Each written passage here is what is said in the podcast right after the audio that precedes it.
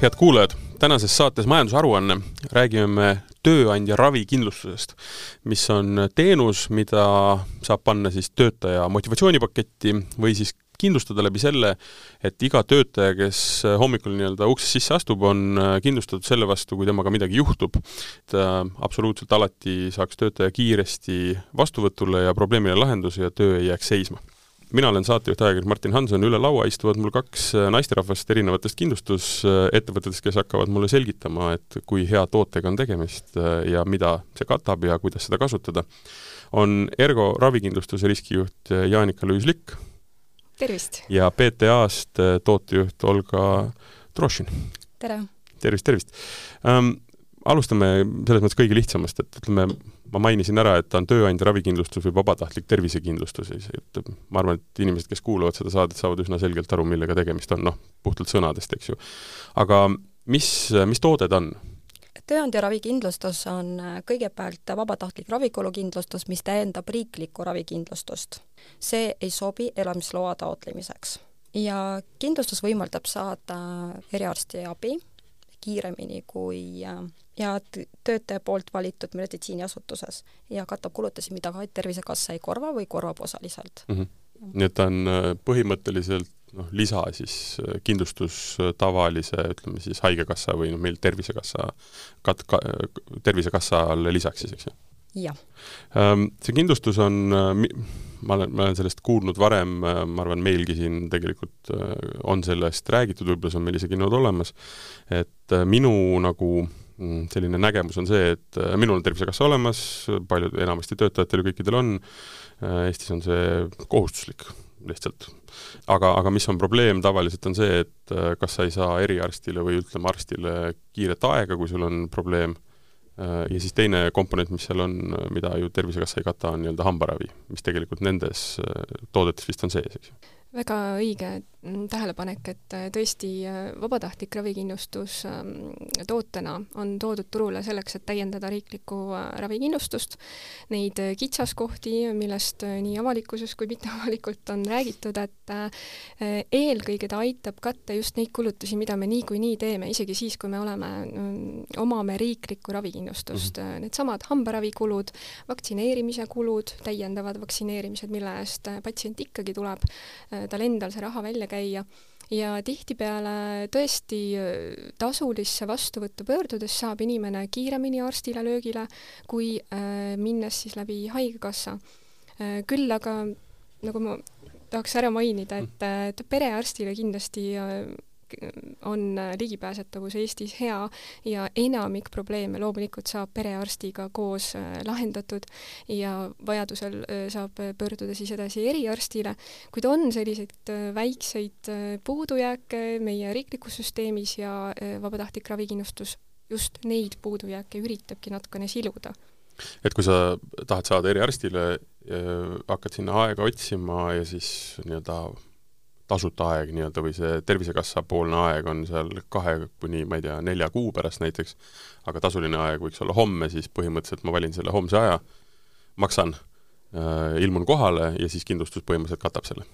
E, jah, oma tingimustega mm., välistuste katvusega, jah, katab küll.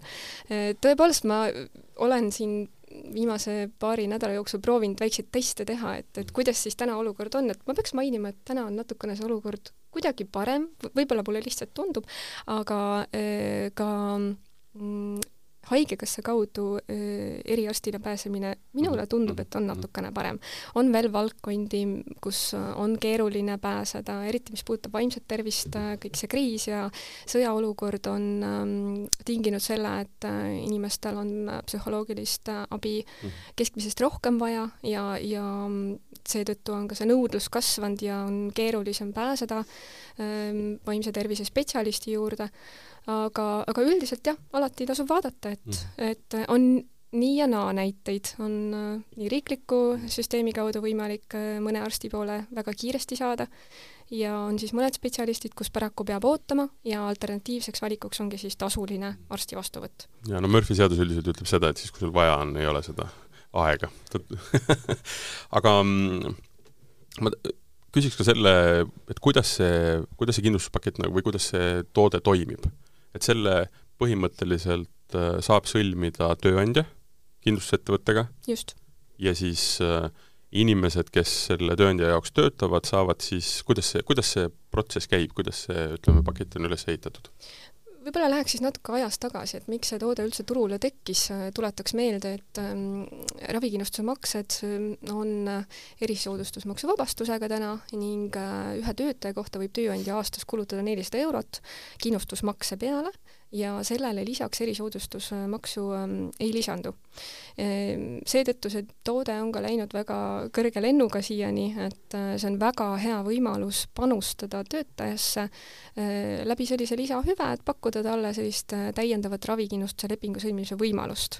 ja tööandja tõesti annab töötajale valida erinevate hüvede vahel, see on vähemalt tänane praktika selline, ehm, seal võib olla ka teisi hüvesid, kas lisapuhkus või spordi tegemine või, või veel midagi, aga et üks sellistest hüvedest siis võib olla vabatahtlik ravikindlustus. ja töötaja siis kas siis võtab selle vastu või mitte või valib mõne teise hüve, et see on siis töötaja otsustada juba. ja kui ehm, mõelda nüüd, kuidas see lepingu sõlmimine toimub, siis eks tööandja mõtleb kindlasti ka oma töötaja peale, et mis teda võiks kõne, kõige enam kõnetada, et millised need kuluaspektid täna meie raviteenuste hulgas on, mida võiks katta siis selle vabatahtliku mhm. kindlustusega, et on see siis tõesti kas hambaravi või on pigem eriarstiteenus, kuhu panustada, või on see vaktsineerimine, et äh, neid kaitseid on hästi palju, mille vahel tööandja saab valikut teha ja lähtudes siis oma äh, töötaja kas siis töökeskkonnast, võib-olla töökeskkonnast tulenevatest äh, mingisugustest riskidest, mis mõjutavad tervist, kuhu siis tööandja soovib panustada, arvestades siis äh, parasjagu seda, kus mhm, alal mhm, tööandja mhm. tegutseb, eks ju tööandja tuleb äh, kindlustusettevõttesse, teeb selle lepingu, see automaatselt ei tähenda siis seda, et selle ettevõtte kõik töötajad on kindlustatud, eks ju? Nad peavad veel eraldi tegema siis mida? Äh, tegelikult on niimoodi, et äh, erisoodustusmaksuvabastus kehtib siis, kui tööandja võimaldab sellise lepingu sõlmimist mm -hmm. kõikidele töötajatele mm. -hmm. töötaja ei pea seda vastu võtma, aga ta peab võimaluse andma. ja, ja tõepoolest äh, töötaja siis otsustab, kas tema soovib sellist hüve endale või ei soovi annab sellest tööandjale märku ja tööandja paneb kokku nimekirja töötajatest, kes on seda ravikindlustuse soovi avaldanud mm. -hmm. ja saadab selle kindlustusseltsi ja seega siis need töötajad, kellest tööandja seltsile teada annab, on kindlustuskaitse all. ja saavad hakata siis nii-öelda seda paketi sees olevaid hüvesid äh, kasutama? just um,. Hästi oluline on muidugi esimene asi, mida mina kindlustusega mõtlen, noh, kui sa teed äh, ütleme noh, näiteks reisikindlustust on ju kohe see, et mida ta katab, mida ei kata ja, ja, ja mis summad, eks ju. et alustame sellest, et mida see kindlustus katab mina võtaksin sõna ja iga kindlustuskaitse juures on olemas äh, oma välistused, äh, mille iga töötaja leiab ravikindlustuse tingimustest. lisaks PTA väljastab töötajad, töötajale individuaalse kindlustusprogrammi, kus on kirjas valitud kindlustuskaitsed ja millised teenused kuuluvad hüvitamisele, millised mitte. ja näiteks hambaravi kindlustuskaitse alt PTA hüvitab hambaravikulu, kõik need suuhügieenikulud ja pisikirurgiad mm -hmm. ja hüvitamise ei kuulu kosmeetilised teenused ja kõik need abivahendite, tarvikute maksumus mm. -hmm. aga ülejäänu selles mõttes on, on seal all nii-öelda kõik olemas, on ju? et kõik vaimse tervise asjad, kõik Äh, ütleme siis ambulatoorsed äh, probleemid, need ajad, kõik tegelikult on võimalik sinna alla panna selle valiku teebki tegelikult tööandja mm, -hmm. tema siis otsustab, milliseid kaitseid tema oma lepingusse soovib, on see siis ambulatoorne ravi, sinna võib valida haiglaravi mm, -hmm. ennetavat profülaktilist kontrolli, võib valida veel õnnetusjuhtumi järgseid, näiteks abivahendeid mm -hmm. või taastusravi, lihtsalt taastusravi, mis tuleneb meie töökeskkonnast, kus on hästi palju riske, mis meie tervist mõjutavad, võib valida sellesama nimetatud juba väga populaarse hambaravi mm, -hmm. võib valida ka väga raskeid haigusi katvaid kulusid, näiteks äh, ongi mingid sellised haigused, kus inimene võib jääda kas halvatuks või, või ta vajab mingit kõrvalist abi või rohkem, keskmisest rohkem mingisuguseid medikamente, nii et ähm, äh, seal on üle kümne riski, mille vahel tööandja saab oma valikuid teha. ja see siis sõltub sellest, et äh, noh, mida, mida tema arvab, et mida võiks tema töötajatel vaja minna, eks ju? Jah, ma arvan, et turuülene printsiip on see, et lihtsalt see ambulatoorne arstiabi on see nagu põhirisk, mille ja. tuleb valida, aga mhm. kõik ülejäänud riskid saab mhm. juurde valida ja mhm. need ei ole kohustuslikud, et äh, tööandja saab ise vaadata, millise eelarve piires ta peab äh, toimetama, mida ta saab pakkuda selle raha eest, mida ta ei saa pakkuda, et äh, teebki siis tööandja just sellest aspektist oma võimalustest lähtuvalt ja vajadust, töö, töötaja vajadustest lähtuvaid valikuid. ja ütleme, valdkonnapõhiselt ei ole seal mingisuguseid piiranguid, noh, sest et ütleme, noh, mina, mina töötan äh, ilusas soojas puhtas äh, kontoris, kus ei pea kandma rohkemat kui T-särki, sest et on soe, laua taga tool, noh ainus probleem on see, et jah, võib-olla selg jääb valusaks ja võib-olla käed, kuna ma pean kirjutama, eks ju. et aga siis on kõrval ju inimesed, kes töötavad ehitusel või noh, räägime sellest, et nad on kaevanduses näiteks, on ju. et äh, valdkonnapõhiselt on ka mingisuguseid erisusi või? või tegelikult kõik on ikkagi seotud sellega, et mis, mis summast me räägime, on ju? Jah, valdkonda ja. nagu ühtegi valdkonda ei, ekstra nagu ei välista, et võib-olla ainukese märkena siia juurde, et tõesti, kui on tegemist äh, eriarstiabi pakkuva asutusega, et võib-olla nemad, nende vajadusest tulenevalt ei ole vaja seda ambulatoorse ravi kaitset, eks ju, et, et mm -hmm. sinna nagu ei tahaks äh, kindlustust peale, peale panna, aga muud valdkonnad, on see tööstus või on see finantssektor või on äh, tele et, et seal nagu küll mingeid piiranguid ei ole, et nüüd äh, ei saaks midagi pakkuda et pigem on põhimõte võib-olla see, et seesama teenus, mida siis klient või kindlustusvõtja ise pakub, et seda ei kindlustata siis sama lepinguga, mida mhm, sõlmitakse mhm, sellele mhm, kindlustus- või siis kliendile. mina lisaksin siia ka juurde, et äh, ettevõtte tegevusvaldkonnas sõltub ka hind ehk kindlustusmakse. no see on üsna arusaadav, eks ju. kus on riskid suuremad? Äh, jah, kus on riskid suuremad ja, ja statistiliselt äh, rohkem nagu kasutajaid mm. -hmm see tähendab seda, et te vaatate ka vanust loomulikult, mis on, ütleme, nende inimeste vanust, kellele kindlustus äh, laieneb siis või? ikka peab vanust tegelikult arvestama selles suhtes, et äh, ükskõik millise tervist puudutava statistika no, ette ei võta, siis äh, paraku vanuse kasvades kasvab ka vajadus mm. raviteenuste järele. Ja, ja tulenevalt sellest kindlasti see vanus on üks, üks ähm, selline näitaja, mida tuleks jälgida no arvestades meie keskmist tööealist elanikkonda, siis tegelikult on täna selline suhteliselt madal, et mm -hmm. et keskmine vanus kindlasti on alla viiekümne ja, ja on võib-olla mõni, mõni üksik näide, kus see keskmine vanus üle selle läheb, aga jah mm, -hmm. vanus kindlasti on mingisugune aspekt mm, -hmm. aga äh, ta ei välista nüüd kindlustuskaitses aga hinna mõttes üldiselt noh, see nelisada eurot inimese kohta aastas on see ülempiir, mida tavaliselt siis võetakse selleks maksimumiks, eks ju. sest noh, midagi ei ole teha, erimaks, erisoodustusmaks sinna ei, ei, ei hakka kehtima, eks ju. tavaliselt see on tööandja soov, et äh, kindlustuskaitset mahtusid siia äh, neljasaja euro sisse mm. -hmm. aga kui tööandja on nõus maksma rohkem, siis äh, ta võib seda maksma mm, -hmm. maksma, maksta rohkem, keegi ei noh, keela seda teha mm. -hmm. mul on ähm, ka üks statistika, mis tegelikult mind natukene üllatas, et ähm, ähm, et äh, ravi, selle vabatahtliku ravikindlustusega on Eestis liitunud tuhat kakssada kaheksakümmend tööandjat ja niimoodi on kindlustatud äh, umbes kaudu viiskümmend viis tuhat inimest.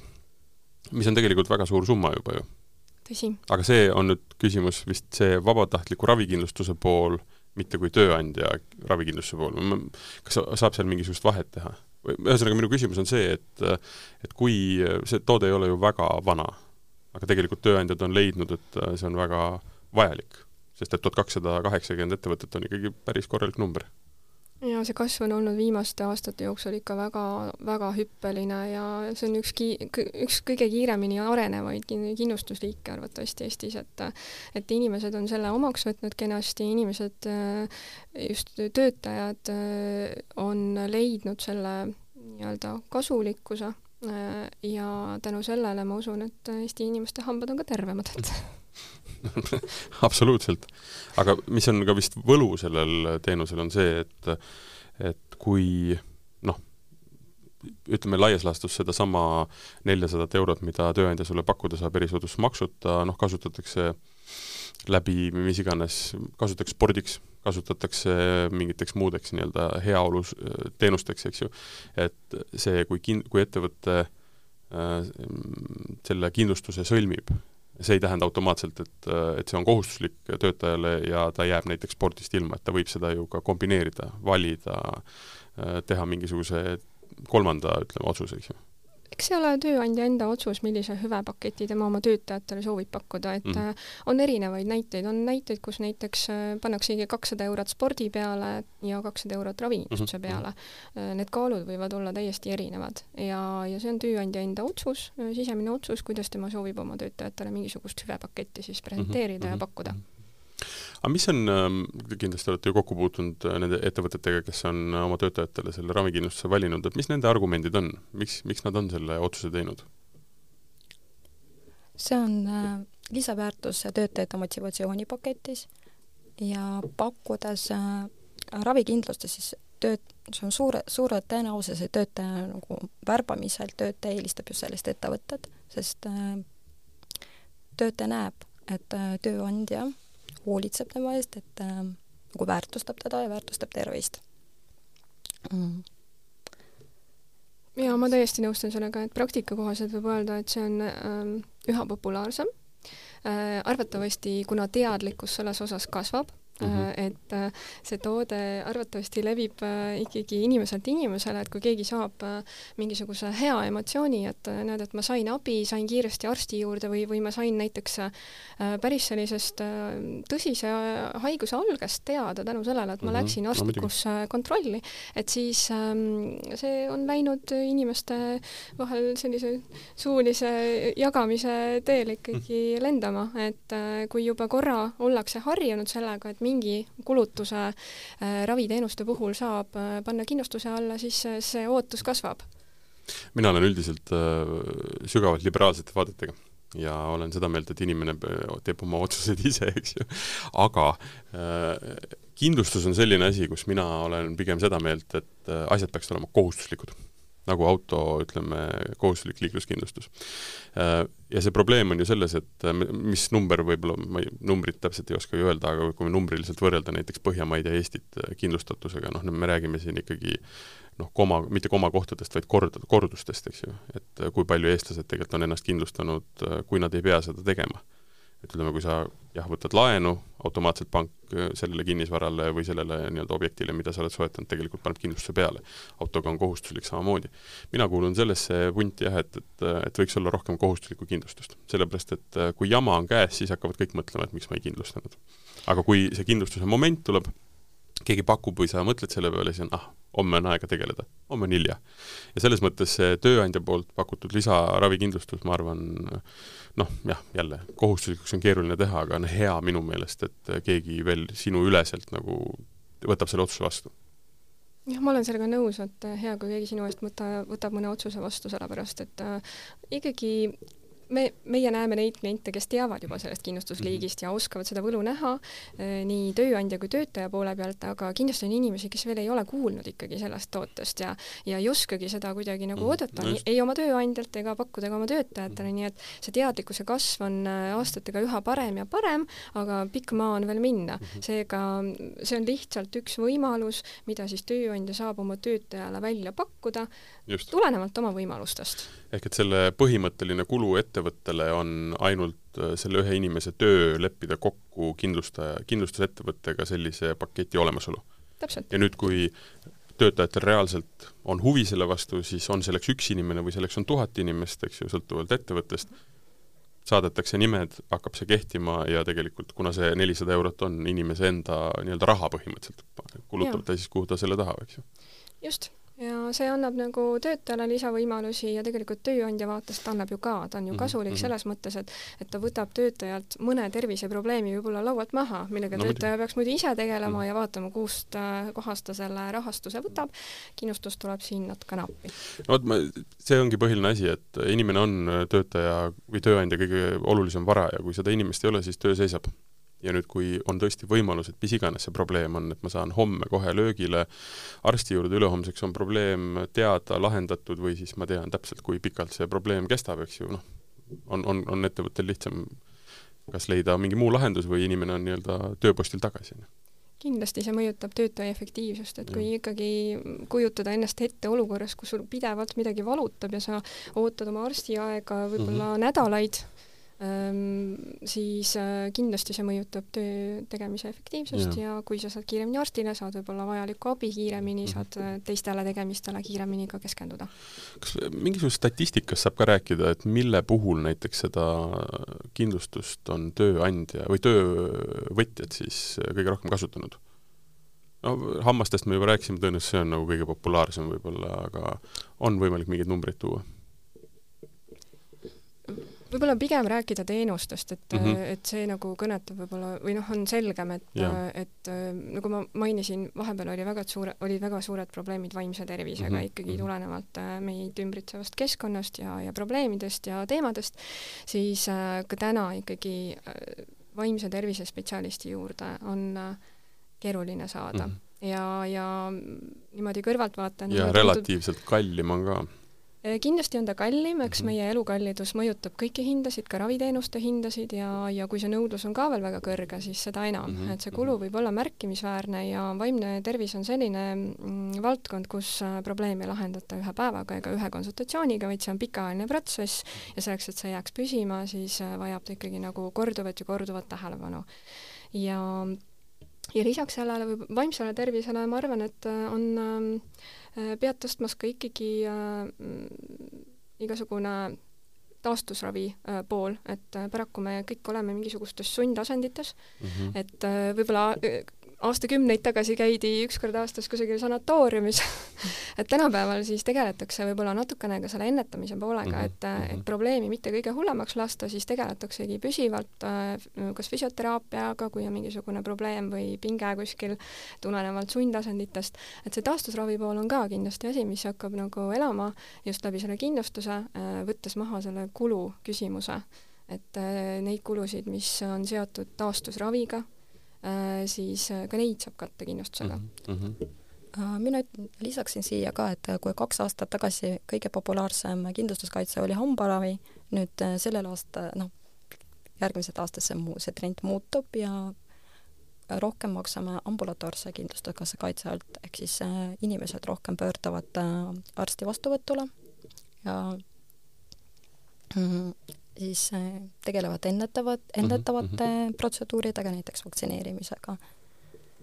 no see ennetamine on ka meeletult oluline, ühelt poolt noh, see, et sa äh, magad hästi, sööd hästi, teed sporti, hoiad ennast vaimselt terve, tervena ja, ja hoolid endast, eks ju, teine pool on nüüd see, et ja mis nüüd juhtus siin äh, koroonapandeemia ajal, oli see, et hüppeliselt kasvas nii-öelda vaimse tervise probleemide hulk.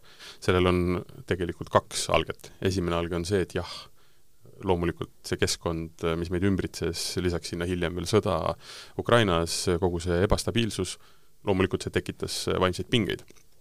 aga teine alge on see, et äh, inimesed läksid rohkem arsti juurde.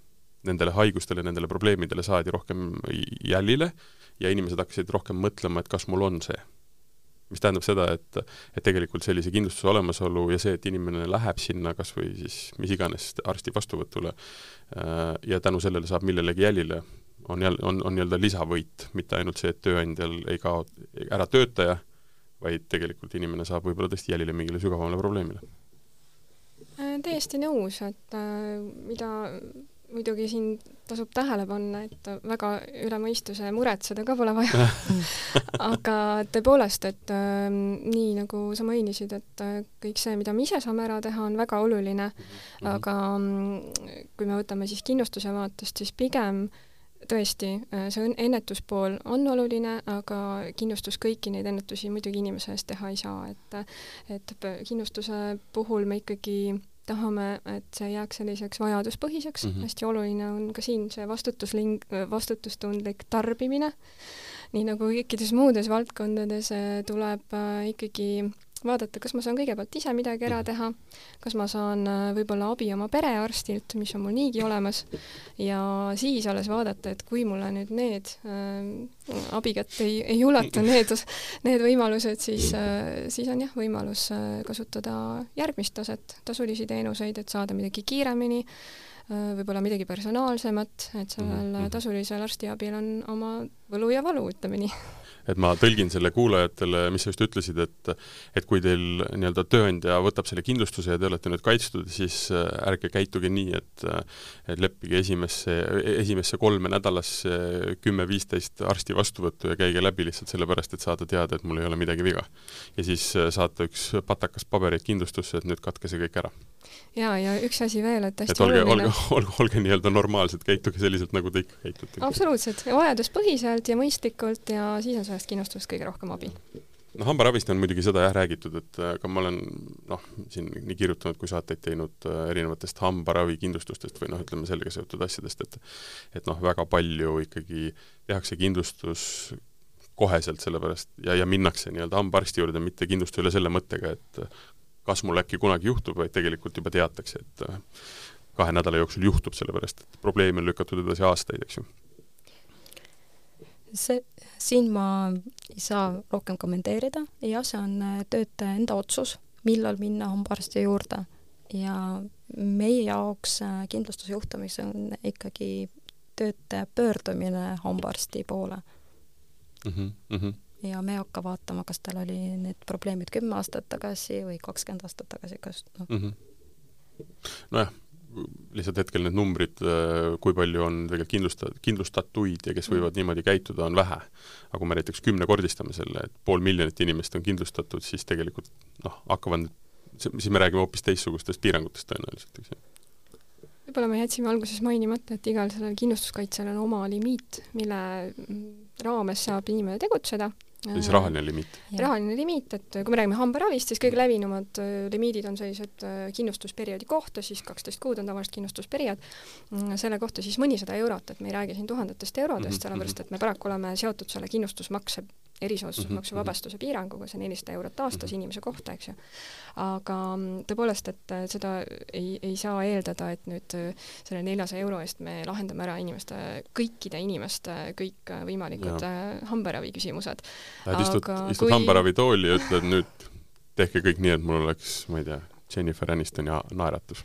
see sinna sisse ei mahu. see eesmärk võib olla, aga võib-olla see siis on natukene nii, et inimene ise panustab, natukene kindlustus panustab, natukene riiklik ravikindlustus panustab ja kokkuvõttes see kindlasti ei ole selline lühiajaline vaade, vaid et äh, kui me vaatame pikaajalist vaadet, siis tegeleda äh, iga aasta äh, oma tervisemurega, siis äh, see omab palju paremat efekti tuleviku perspektiivis, et yeah. et siis ei lähe asjad käest ära, vaid et äh, sa hoolitsed selle eest, et asjad oleks normis mm. -hmm me oleme siin võib-olla nagu üldisemalt praegu rääkinud, aga kui ma küsin täpse, väga konkreetselt nii Ergo kui ka PTA kohta, et et kui palju, ütleme, kui olulisel kohal see nii-öelda teenus teie valikus on, kui palju seda küsitakse? kui palju suur huvi selle vastu nagu igapäevaselt on? Äh, see huvi iga-aastaselt äh, kasvab, et äh, meie saame keskmiselt kakskümmend päringut ja me väljastame neid klientidele pakkumisi. Eks see ja. sõltub natukene sellest hooajast ka, et kindlasti kui me räägime tööandja poolt pakutavatest hüvedest, siis see on natukene seotud eelarvestamisperioodiga, mis nüüd kohe-kohe on algamas. eelarveid tehakse natukene ajavaruga ette, ehk me räägime täna siis järgmise aasta eelarvest mm -hmm. ja tihtipeale see on, see on ka see koht, kus arutatakse neid hüvesid, mida siis saab või ei saa töötajale pakkuda mm -hmm. järgmiseks mhm. aastaks.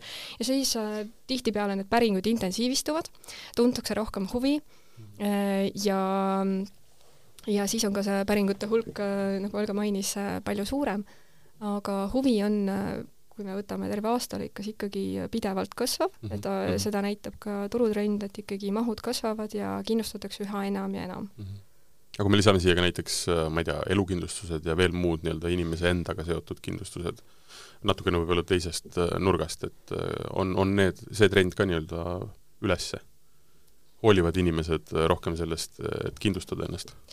mina võiks võib-olla kõrvaltvaatajana elukindlustust natuke kommenteerida, et ma arvan, inimesed mõtlevad rohkem selle peale, mida ähm, nad vajavad mõne väga raske haigusega seoses, et äh, nad ei jääks siis hätta.